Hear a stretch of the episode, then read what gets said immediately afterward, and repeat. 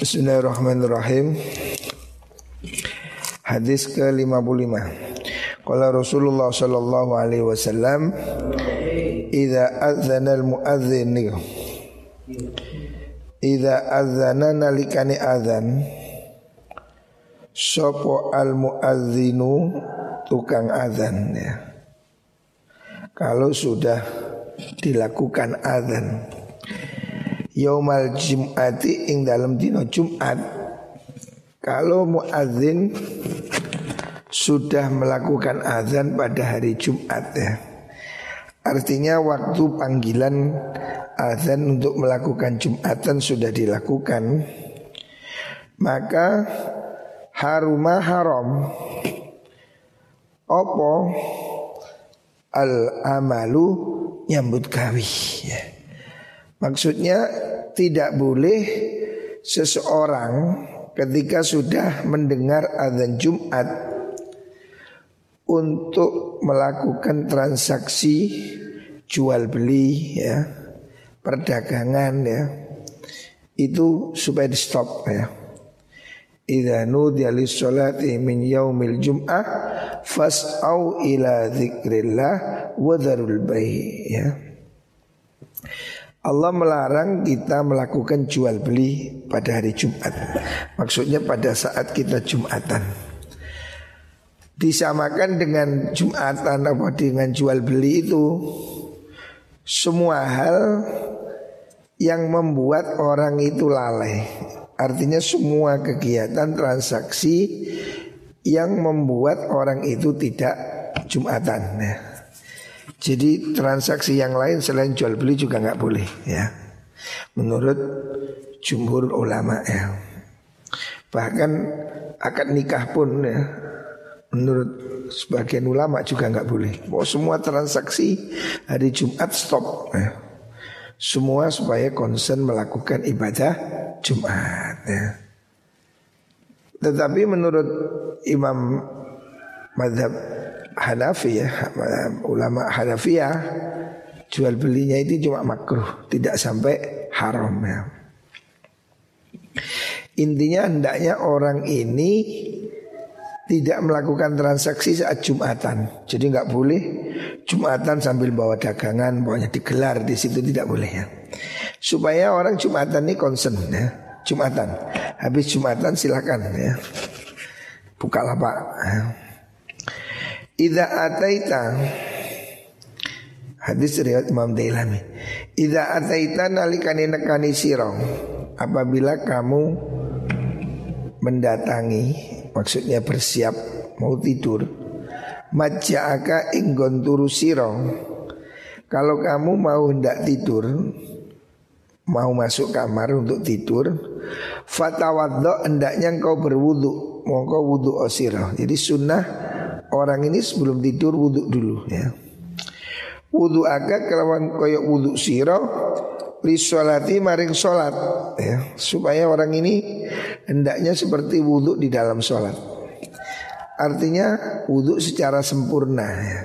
Wudhu supaya sempurna Sumat toji nuli turu miring sirong Kemudian kamu berbaring ala syakkikal aimani ala syakkika ingatasi sisi siro lambung sisi al aimani kang tengen jadi etika tidur yang diajarkan Rasulullah Shallallahu Alaihi Wasallam hendaknya kamu ini sebelum tidur ini wudhu dulu ya. Kenapa? Ini ada beberapa hikmah ya supaya kita tidur dalam keadaan posisi wudhu ya. Seandainya ya, seandainya orang ini hidup kan tidak tahu ya. Seandainya malam itu kita meninggal, kan ada orang tidur terus nggak bangun lagi. Seandainya malam itu kita tidur punya wudhu dan kita meninggal pada malam itu, maka kita meninggal dalam keadaan suci ya dan kita dalam keadaan siap. Jadi orang itu setiap saat ini harus ada persiapan untuk kematian. Ya. Jangan nunggu tua ya. muda mati juga banyak ya. Hendaknya orang itu bersesuci ya, seakan dirinya ini bersiap ya. Bersiap sudah suci ya. Begitu juga termasuk menyucikan hati ya. Wudhu ini suci zahir, batinnya ya menyucikan diri dengan bertaubat ya. Orang ya, hendaknya sebelum tidur wudhu menyucikan jasadnya juga menyucikan hatinya ya. Sebab orang ini mati dan akan dibangkitkan ya. Seperti apa dia kebiasaannya. Kalau orang itu biasanya berbuat baik ya matinya akan dalam keadaan baik dan dia akan dibangkitkan dalam keadaan baik ya. Makanya siapa orang tidur dalam keadaan suci ya, maka dia kalau seandainya mati pada saat itu dia mati dalam keadaan sempurna ya. Hendaknya tidur juga miring kanan ya. Ini secara kesehatan bagus ya. Jangan tidur murab Iku turun nih om dalam dulu. Nah, jangan biasakan tidur apa tengkurap. Hendaknya tidur ke sisi kanan ya. Ini secara kesehatan juga bagus, tidak membebani jantung. Ya.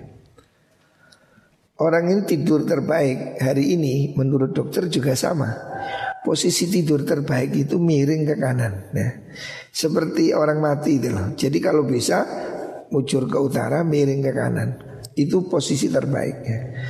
Miring ke kanan ini meringankan beban jantung. Ya. Itu lebih bagus ya. Yang tidak bagus itu murep, turu murep, bantal diurepi. Ini suara usaha ya. Yang terbagus tidur itu miring ke kanan. Ya. Sumakul kemudian ucapkan Allahumma aslam tu wajhi ilaika. Allah muda Allah aslam tu masrakan ingsun wajhi uh, ing wajah ingsun ilaika maring panjenengan. Jadi ucapkan kepasrahan ketika kamu melakukan persiapan tidur ya Allah saya pasrah untuk menyerahkan jiwa raga kepadamu ya. Wa fawwattu lan masrahaken ingsun amri ing urusan ingsun ilaika maring panjenengan. Saya menyerahkan urusan saya semua hidup matiku kepadamu ya Allah. Wa alja'tu lan ngungsiaken, ngungsiaken itu ya mengembalikan ingsun. Zuhri ing keker ingsun ilaika maring panjenengan. Saya kembalikan tubuh ini kepadamu ya Allah. Jadi pasrah total. Mati itu Orang apa tidur itu setengah dari mati. Makanya waktu tidur kita memasrahkan diri. Ya Allah saya pasrahkan tubuh saya, jiwa saya Untuk menghadap padamu. Jadi ada persiapan yang sempurna. Seakan kita ini mau berangkat gitu. Sehingga tidurnya ini nyenyak ya. Jangan mau tidur si nyanyi Si apa Bayang no Luna Maya, maunya apa yang membuat kamu malah tidurmu penuh gangguan ya. Setidaknya mau tidur itu sudah jangan mikir yang lain. Ya mau tidur sebisanya punya wudhu ya. Dalam keadaan wudhu tidur miring ke kanan terus berdoa ya. Doanya seperti ini, menyerahkan dirinya. Rohbatan karena demen warohbatan lan wuti ilaika maring panjenengan. Jadi saya pasrah cinta dan takut kepadamu ya Allah ya. La malja'a ora ana nggon ngungsi iku maujud wala manjalan ora nonggon selamat mingka sanging panjenengan illa ilaika angin maring panjenengan. Jadi tidak ada tempat bagi kami untuk kembali untuk menyelamatkan diri kecuali hanya padamu ya Allah. Allahumma do Allah aman tu iman ingsun bi kita bika kelan kitab panjenengan alladzi anzal kang nurunaken panjenengan Ya Allah saya beriman kepadamu kepada kitab yang kau turunkan. Ya. Jadi ini ada kepasrahan. Wa nabiyyika lan iman maring nabi panjenengan Alladhi arsalta kang ngutus panjenengan. Ini kalimat-kalimat ini menunjukkan kepasrahan hidup yang total kepada Allah ya. Kalau orang tidur seperti ini ya dalam keadaan punya wudhu berdoa, maka mimpinya ini mimpi benar gitu lah. Muhammad.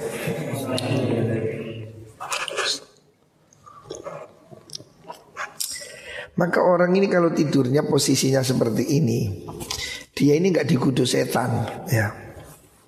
Gak tindin, kadang orang ada orang apa istilahnya tindin, apa tindin itu? Orang digudo genderuwo gitu loh ya. Tidur dalam keadaan yang nggak menyenang. Dan orang ini kalau tidurnya seperti ini maka dia itu mudah bangun ya. Mudah bangun. Orang kalau tidurnya seperti tidur yang diajarkan Rasulullah Shallallahu Alaihi Wasallam ini tidur yang sehat. Dan ini secara empiris dibuktikan oleh penelitian para dokter tidur pada arah kanan itu itu lebih baiknya. Karena jantungnya juga lebih sehat. Ya. lambungnya lambungnya juga lebih sehat. Ini hendaknya kita tiru ya. Ini ajaran Nabi yang ringan inilah tidur kan ya kamu murab ya tidur melumah ya tidur ya. Tapi lebih baik kita ikut kanjeng Nabi. Ayo berusaha tidur miring ke mana ke kanan ya miring kanan hadap kiblat. Itu lebih bagus ya Terus berdoa, terus tidur.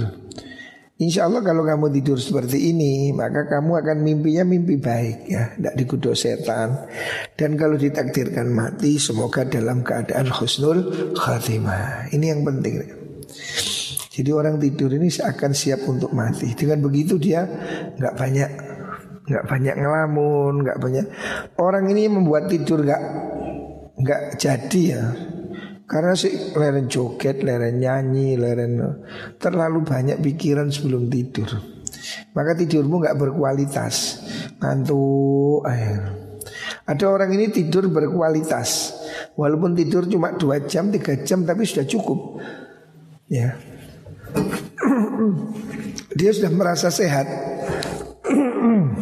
Orang ada yang tidurnya berkualitas. Sehingga dia itu walaupun cuma dua jam, tiga jam tapi sehat. Karena tidurnya berkualitas. Tapi ada orang sehari tidur, perasaannya kumek, ya, perasaannya nggak enak. Karena apa? Tidurnya nggak berkualitas ya. Jadi tidur berkualitas itu tidak harus panjang ya. Tidur yang dalam kondisi yang apa concern memang untuk tidur. Kalau kamu sulit tidur, kamu sugesti ya. Saya sudah membuktikan. Kamu sugesti, kamu nggak bisa tidur ya. Nyahkan handphone, kamu pejamkan mata terus sugesti tidur. tidur, tidur, sugesti, disugesti, pikiranmu merem, kamu sugesti, hitungan pasti tidur kamu, buktikan, belum hitungan keberapa kamu pasti sudah tidur, jadi di, dihitung konsentrasi, tidur, tidur, tidur, tidur, kayak orang dihipnotis ya, tidur, kamu pasti tidur. Ini kamu buktikan, jadi sugesti. Orang itu kayak orang dihipnotis itu kan, siru tidur, tidur, tidur. Kamu dihipnotis kan kayak kuya-kuya itu tidur, tidur. Lu kamu bisa menghipnotis dirimu sendiri. Ya, kalau mau tidur itu sojo ngelamun, berdoa terus kamu pejamkan mata, sugesti dirimu, tidur, tidur, tidur, pasti tidur. Saya sudah buktikan ini. Jadi kalau kamu kesulitan tidur, kamu sugesti otakmu dengan menyuruh pikiranmu untuk tidur, tidur. Ucapkan pada dirimu, kamu nyengking, nyengkulit. Tapi itu, pikiranmu terus ke mana-mana. Tidurmu nggak berkualitas. Sehingga butuh waktu lama nggak puas-puas tidur. Saya alhamdulillah ya contoh lah saya ini orang sudah usia segini tapi alhamdulillah saya malam hari tidur pagi sudah bangun ya. Walaupun malam hari saya tidur itu ya jam 12 jam ya di atas jam 11 lah masih baca ini baca itu nggak nggak berat pagi tidur apa pagi bangun sebelum subuh sudah bangun alhamdulillah ya orang itu dari kebiasaan jadi kalau kebiasaan kita itu di pikiran kita itu bisa kita arahkan seperti mesin gitu. Kalau pikiran kita itu starter positif, hidup positif ya. Buktinya alhamdulillah saya pagi itu ya ke mana-mana ya. Itu kalau siang saya sekarang memanah ya. Panaskan dirimu ya. Saya kemarin lihat salah satu uh, penelitian terbaru untuk mengantisipasi virus corona dan virus yang lain termasuk flu ya. Ada dokter yang membuat satu testimoni bahwa dia itu menemukan panas tubuh itu membuat sehat ya tanpa obat. Makanya kalau bisa saya anjurkan kamu siang ya pagi itu jangan tidur. Jadi justru lebih bagus semakin panas. Saya kemarin lihat di Instagram siapa itu? Hotman Paris. Jemur kasur di depan rumah terus gak pakai baju tidur di pinggir jalan. Orang kaya sekarang jadi Dulu kan tidur pinggir jalan kan gembel. Nah, orang kaya juga tidur di pinggir jalan. Jadi dia kepingin dapat panas matahari. Jadi jam 11, jam 12 Itu di atas jam 10 Itu bagus malah. Panas itu bagus ya Jadi kalau bisa kamu jam 10 keluar kamu Sana Ke halaman sana Ya bubut-bubut itu loh Bersihin taman ya Itu apa Panaskan flu itu akan hilang kalau dipanaskan. Makanya orang dulu itu biasanya kan kalau flu itu pakai air panas gini. Air panas disedot untuk penguapan, ya, untuk penguapan. Atau juga kalau orang kaya biasanya kan ke sauna. Sauna itu ruangan yang panas ya. Saya pernah diajak teman saya di hotel kan ada fasilitas sauna. Waduh rasanya seperti masuk neraka Panas mungkin berapa 50 60 derajat itu. Tapi itu memang bagus. Jadi kita keluar dari situ itu panas tubuh ini berkeringat. Itu bagus. Jadi mengeluarkan keringat itu membuat kamu sehat. Ya. Makanya kamu yang pilek-pilek kan tahu pek kan kan itu. Cuma malah singitan kan itu. Kalau kamu malah lembab itu malah bahaya. Coba kamu lihat, ini kurban terbesar corona itu orang Jakarta, orang kota yang hidupnya di AC. Jadi salah satu penemuan ya, penelitian kurban itu yang terbanyak itu orang kaya. Karena apa? Dia hidup di ruangan yang lembab, dingin. Ya di situ bakterinya itu bertahan. Makanya sekarang orang itu suruh pergi ke halaman. Ya, saya lihat kapan hari itu Hotman Paris menjemur dirinya di pinggir jalan. Nah, dia pasang kasur di pinggir jalan, lepas baju, terus berjemur. Memang beberapa rilis saya lihat begitu. Dan juga itu salah satu manfaat menggunakan masker. Ya. Orang kan disuruh pakai masker. Karena apa? Dengan pakai masker itu kan panas tubuhnya kembali ke dirinya. Pas sekarang di seluruh dunia orang suruh pakai masker. Jadi kamu ya orang yang flu itu harus pakai masker. Semakin tebal semakin bagus. Kenapa? Orang itu kalau pakai masker itu kan abape balik nangawe kan kamu mau jadi hangat kan. Orang pakai masker itu kan udaranya menjadi panas tubuhnya. Lah itu akan membunuh virus gitu. Makanya saya setuju itu penggunaan masker itu. Jadi kamu semua kalau keluar ke pasar semua harus pakai masker ya. Jangan kalau kamu pakai masker satu jam dua jam tubuhmu akan hangat. Karena apa? Oksigen ini berputar di tubuhmu. Itu akan memanaskan tenggorokan dan hidungmu. Ini penelitian dokter yang saya lihat terakhir tadi malam. Dokter menyarankan supaya pakai masker itu supaya apa? Supaya hangat itu memang. Ya salah satunya itu ya minum air panas ini ya. Saya ini kan minum air hangat usahakan selalu minum air panas. Kalau ada itu jahe itu kan siapa bawa jahe di rumah itu? Nah itu kamu pagi ya, kamu tumbuk jahe itu kasih air panas sama gula merah, gula gula Jawa, minum setiap hari. Jahe itu juga bagus ya. Jahe, limun ya, itu bagus. Itu apa? Menguatkan ketahanan tubuh ya. Karena kamu tahu jahe itu minuman orang di surga ya.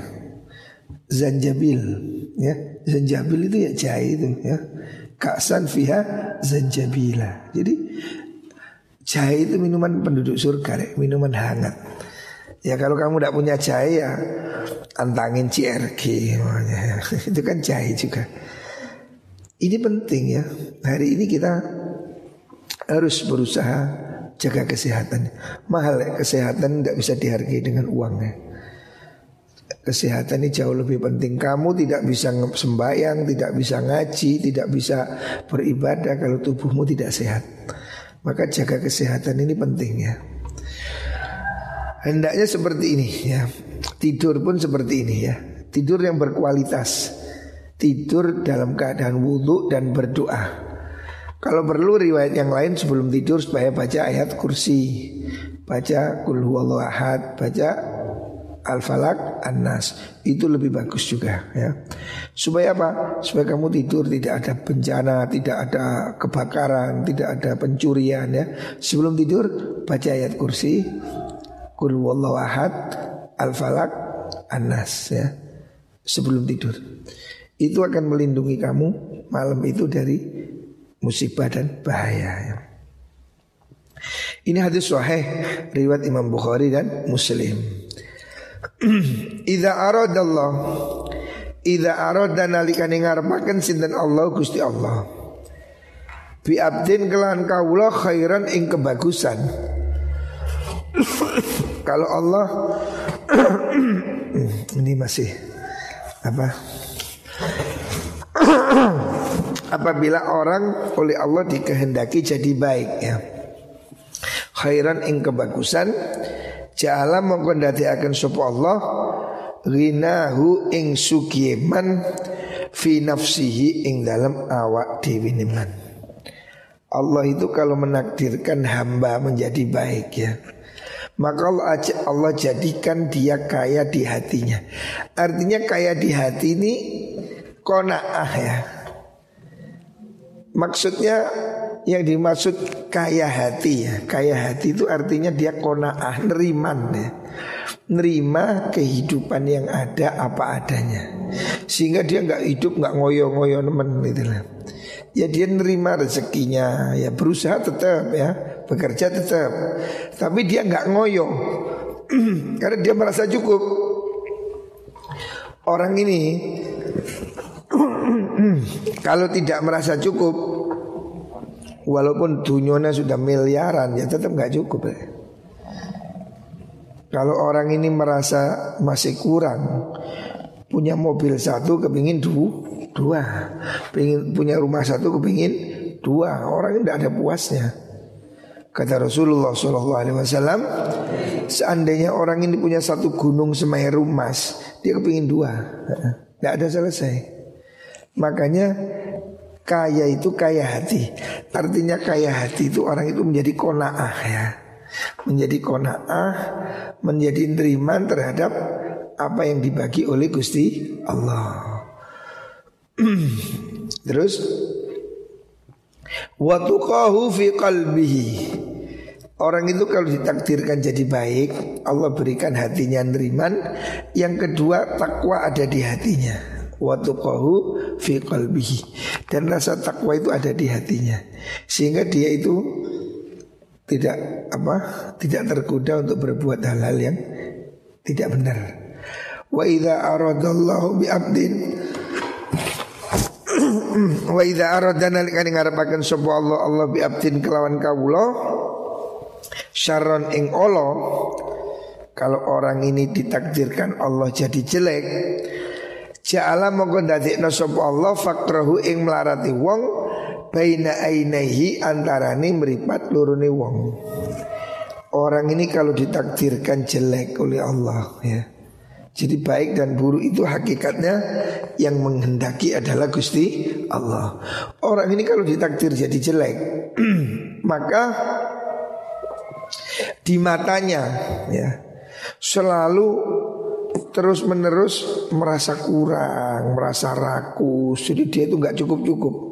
Walaupun sudah punya mobil 10 kepingin 20. Walaupun sudah punya helikopter kepingin pesawat terbang. Orang tidak puas terus ya. Allah kalau takdirkan orang itu jadi jelek Maka dia jadi rakus ya.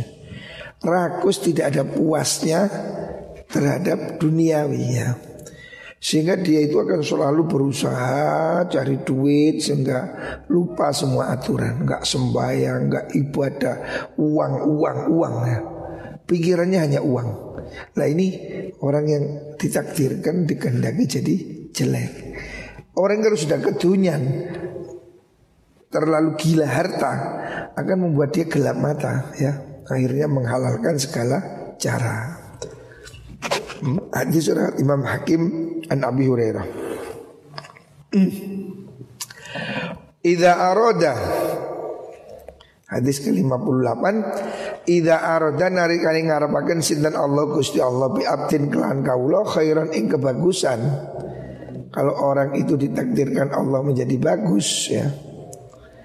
Faqahahu fiddin Faqahahu maka Allah akan mengertikan dia. Ngerti akan sapa Allah Hu ingman fitini dalam agama Orang kalau ditakdirkan jadi baik Maka dia akan berusaha ngaji Memahami ilmu agama. Jadi kamu ditakdirkan mau mondok Kamu ditakdirkan ngaji Meskipun ngantuk. Iya siapa ngantuk ya? Meskipun ngaji mek turu-turu Kalaupun kamu masih ada di pondok, itu bukan kebetulan ya. Kamu harus meyakini ini sesungguhnya skenario dari Gusti Allah. Karena kalau Allah tidak takdirkan kamu jadi orang baik, kamu pasti nggak kerasan di pondok. Orang yang mau ngaji, orang yang mau masih kerasan mondok, itu hidayah, itu nikmat. Makanya berbahagialah orang tua yang anaknya masih mau mondok. Berbahagialah kamu santri yang masih kerasan di pondok ya. Ataupun kamu walaupun hari ini sudah di rumah, kamu mau mengaji ya. Siapa orang mau ngaji itu berarti dikehendaki jadi baik oleh Allah Subhanahu wa taala ya. Sebab yang menghendaki Allah di sini Imam Bihaki mengatakan idza aradallah kalau Allah menghendaki ya. Jadi yang menghendaki itu Allah. Bi'abdin pada seseorang khairan untuk menjadi baik dan lebih baik. Faqahahu fiddin Maka Allah akan jadikan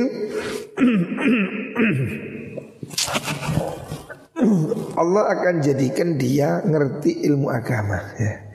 Jadi orang mau belajar ilmu agama Itu orang yang dikehendaki baik oleh Gusti Allah ya wazahadahu fit dunya. Siapa orang ditakdirkan jadi baik maka dia akan menjadi zuhud di dunia ya. Adi zuhud di dunia artinya dia akan menjadi neriman ya, tidak rakus urusan dunia ya. Ini penting, ya. orang itu hati nerimanya juga dari Allah ya. Hadis yang lain redaksinya mayuridillahu bi khairan yufaqihu fitin. Siapa orang dikehendaki baik oleh Allah, maka Allah takdirkan dia belajar ilmu agama. Pemahamannya bahwa orang yang ngerti agama, orang yang mau belajar agama, berarti orang itu dipilih jadi baik oleh Gusti Allah. Pemahaman yang sebaliknya Orang yang gak mau ngaji Orang yang gak senang belajar Orang yang anti gak mau belajar agama Berarti orang itu tidak dikehendaki jadi baik oleh Gusti Allah ya. Jadi ini kan hadis ini bisa dipaham demikian. Mayuridillahu bi khairan fiddin. Siapa orang dikehendaki jadi baik oleh Allah, Allah jadikan dia faqih, ngerti ilmu agama. Artinya siapa orang masih mau belajar ilmu agama Berarti dia ditakdirkan jadi baik oleh Gusti Allah. Berarti kita-kita ini semoga termasuk Alhamdulillah. Pemahaman sebaliknya Siapa orang nggak mau ngaji ya? Dikon ngaji kok bulat ya. Si senengan delok TV berarti orang itu memang tidak ditakdirkan jadi baik oleh Gusti Allah ya karena orang ngerti agama ini sekarang semakin langka ya. Orang mau ngaji ini semakin langka ya. Kamu lihat anaknya kiai yang jadi dokter buahnya Teman-teman saya banyak anaknya jadi dokter. Anak kiai jadi dokter banyak. Gitu benar. Wadah. Tetapi anaknya dokter nggak ada yang mau jadi kiai. Ada nggak? Kok belum dengar saya? Hanya dokter spesialis anu terus jadi kiai. Kayaknya nggak ada. Yang banyak itu anaknya kiai sudah berebut jadi dokter. Tapi anaknya dokter belum ada yang kepingin jadi kiai. Ya, gimana? Memang ngerti agama ini tidak semua orang. Sehingga anaknya kiai pun banyak yang nggak ngaji sekarang ini. Saya punya banyak teman anaknya kiai, sekolahnya mentereng, bahasa Inggris jos, bahasa Arab geragapan. Saya bilang ini bapakmu mungkin nyesel jadi kiai sudah. Dulu bapaknya itu hebat karena jadi kiai kok anaknya malah kepingin hebat bahasa Inggris. Ya bolehlah dia belajar bahasa Inggris bolehlah. Tapi basicnya dia kan ilmu agama, ilmu fikih ya. Makanya orang mau belajar ilmu fikih Ini berarti dia masih dikehendaki baik oleh Allah ya. Dan ini semakin sedikit ya. Semakin sedikit. Minat orang belajar agama ini semakin sedikit ya. Karena orang ini semakin gaya hidup semakin, semakin kapitalis ya. Semakin orang semakin materialis. Orang udah nggak mangan, udah gak nyambut kai Sehingga orang minat belajar agama ini menurun Makanya pondok-pondok ini sekarang sudah juga berubah menjadi sekolahan semua. Banyak pondok juga yang sudah mulai gak ngaji. Banyak loh pondok itu sudah jadi kos-kosan ya di daerah mana ya saya tidak sebut. Sudah banyak pondok itu yang gak ngaji. Yang penting tinggal di pondok sholat gitu aja. Selebihnya ya Ya sudah ngajinya sudah hampir nol Bahkan kiainya juga banyak yang nggak bisa ngaji ya Banyak loh sudah kadung dipanggil Gus sudah kadung dipanggil kiai gak bisa ngaji. Banyak. Banyak kiai warisan ini banyak. Saya dengar ada seorang pesantren besar. Kiainya ngimami baca surat apa itu? Kuliah yal kafirin itu baca mbak lagu Mbah lagu manuk dadali apa? Kul ya ayyuhal kafirun. Ya apa Padahal kiai itu. Artinya ya mungkin karena dia enggak, enggak ngaji ya. Tapi kadang diwarisi pondok. Nah inilah. Maka ini saya menjadi harus ingetin. Jadi kalau saya konsis ya Anak-anak saya saya suruh ngaji. Karena apa? Kita ini oleh Allah sudah diberi kecukupan ya dengan ngaji ini. Jangan khawatir ya kalau mondok nanti makan apa? Ya makan sego coba khawatir ya. Maksudnya makan kereweng sing nyuwek cangkem ngekei mangan. Ayah saya dulu selalu bilang begitu. Yang memberi kamu mulut memberi kamu makan jangan khawatir wa ma min dabbatin fil ardi illa 'ala Allahi rizquha. Semua yang hidup di atas bumi ini diberi rezeki Allah ya. Jangan khawatir. Kalau dulu ya orang generasi saya itu impiannya sekolah itu tiga. Jadi dokter, bawahnya lagi itu menjadi insinyur, terus yang ketiga itu pengacara. Oh, itu dulu orang generasi saya yang lahir tahun 70-an, 70 sekian itu rata-rata kepinginnya jadi dokter. Karena waktu itu dokter sedikit sekali ya. Sedikit Insinyur juga sedikit Dulu insinyur cuma Pak Karno. Insinyur Soekarno. Lainnya wah bisa dihitung tangan nah. Hari ini Waduh sambraki dokter aja sudah Over sekarang ini. Banyak dokter ini. Teman-teman saya dokter itu Padahal masih teman angkatan saya. Sudah banyak yang gak kebagian kerjaan. Maksudnya tidak dinas di rumah sakit Sudah jadi dokter keluarga di rumah. Padahal bayar dokter ini sekolahnya mahal. Sekolah dokter ini bisa setengah miliar. Banyak orang yang orientasinya itu ya uang. Kenapa sekolah kedokteran mahal? Karena dianggap bisa mendatangkan uang. Kalau dokter spesialis ya. Dokter spesialis itu kan cuma orang suruh mangap, mangap. Sak juta. Mangap tok sak juta. Ganti nyuntik Siji me mantri Nyuntik selawewu nah, Mantri ya, Dokter cukup resep 500 ya. Sehingga orang banyak yang bermimpi kepingin jadi dokter. Ya bagus, bagus juga. Dokter kita perlu ya. Coba jangan semua kepingin jadi dokter ya. Kita ini perlu pembagian tugas. Ada yang jadi dokter, ada yang jadi pilot, ada yang jadi kiai, ada yang jadi gitu loh. Makanya Allah katakan dalam Al-Quran Walaula nafra kulli minhum ta'ifatun liyatafaqahu fitin ya Wa makanal mu'minuna liyanfiru kafah. Jangan semua orang ini pergi perang ya. Jangan semua jadi tentara ya. Jangan semua jadi dokter, jangan semua jadi ini. Kita ini harus berbagi ya.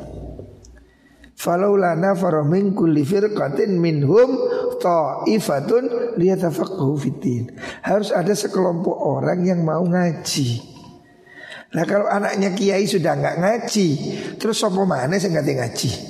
Eh? Anaknya kiai semua kepingin jadi dokter, anaknya dokter tidak ada yang kepingin jadi kiai. Ya ini kan habis nanti lama-lama. Makanya berbanggalah ya. Kalau kamu masih dipilih oleh Allah menjadi ahli agama, berbanggalah ya, senanglah. Itu pilihan dari Gusti Allah. Bukan berarti profesi yang lain nggak penting ya, tetap penting. Saya bilang kita perlu dokter muslim, kita, kita perlu insinyur, kita perlu pilot, kita perlu astronot ya, semua profesi. Tapi juga harus ada yang bisa ngaji, jangan semua jadi pilot. Ya.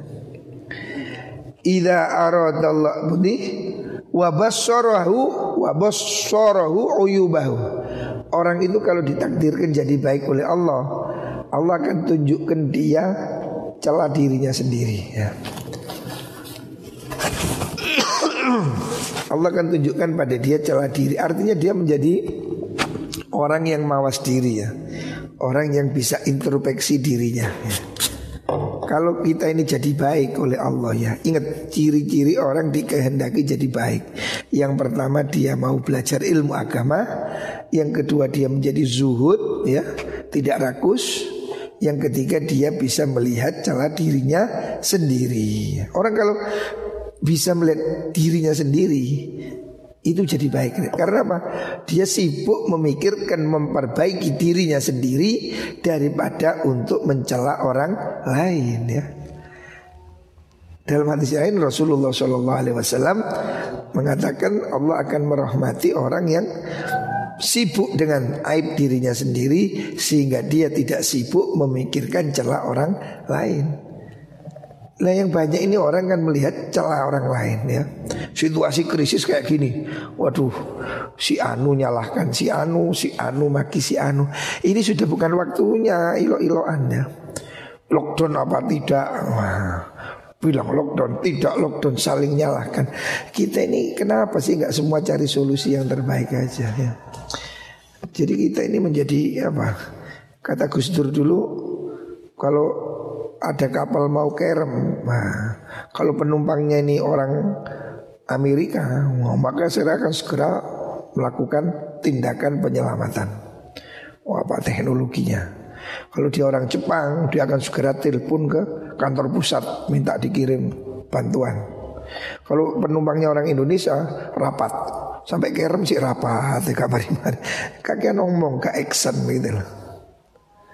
Kita ini mesti hari ini sudah jangan saling menyalahkan. Ayo solusinya apa? Corona ini. Ya kita lakukan mulai dari diri kita sendiri. Jangan pergi keluar. Makanya Saya bilang kamu jangan ke mana-mana. Sudah diam di rumah itu. Diam di rumah ini dapat pahala ya. Udah kamu gak usah pergi ke mana-mana. Kata Rasulullah SAW Barang siapa di musim wabah ini diam di rumah ya Orang di musim wabah ini diam di rumah. Ini hadis riwayat Imam Bukhari.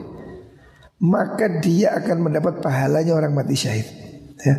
Jadi walaupun kamu hidup, ya, kamu hidup sehat di rumah, kamu dapat pahalanya orang mati syahid. Lihat dalam kitab Fathul Bari Salah Bukhari disebutkan Imam Ibnu Hajar mengatakan walaupun orang itu tidak mati karena Nabi mengatakan siapa diam di rumah pada waktu musim wabah aminan muhtasiban beriman dan mengharapkan pahala dari Allah maka dia Allah misal ajri syahid. Allah akan beri dia seperti pahalanya orang mati syahid. Padahal dia hidup, ya. Walaupun nggak mati, apalagi mati. Orang mati di musim wabah ini mati syahid. Ya, hadisnya jelas, mati dalam taun itu mati syahid. Makanya orang yang corona itu jangan ditolak kan ini ada orang diprovokasi mayatnya nggak bisa dikubur itu orang bodoh itu jahat itu. Kalau saya bilang tangkap aja itu. Orang sudah mati kok masih ditolak. Orang mati ini sudah selesai. Tidak mungkin virusnya lari-lari. Nah, wong wis gak wis gak watu, gak dehem. Masa orang mati. Tidak ono. Yang bahaya penularan ini kan orang batuk, makanya kita harus ambil jarak ya. Terus kalau batuk harus pakai ini pakai tisu atau apa gitu. Selalu cuci tangan, selalu pakai sanitizer. Lalu wong mati kok wis dikubur, wis dibungkus, di kotak, saya ditolak itu. Goblok ini. ini harus ditangkap itu. Itu provokator namanya. Orang mati kok malah diperlakukan seperti itu. Menurut saya itu kejahatan ya. ya.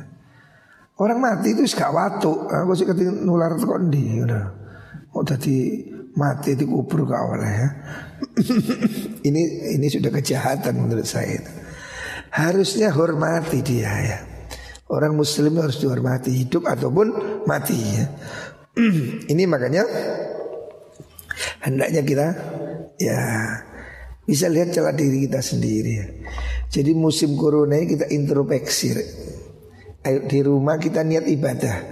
Diam di rumah, diam di sini di pondok, yang di pondok ya di pondok jangan pergi pulang, yang di rumah jangan ke mana-mana. Kamu harus berniat ibadah. Dalam karantina ini kamu niat ibadah. Karena apa? Rasulullah Shallallahu Alaihi Wasallam mengatakan siapa orang diam di rumah di waktu musim wabah dia dapat pahalanya mati syahid. Ya, walaupun hidup. Ya. Jadi kamu gak usah repot-repot berjuang perang ya. Diam di rumah ini kamu sudah pahalanya mati syahid. Ini hadis sahih dalam Sahih Bukhari disebutkan begitu. Ya.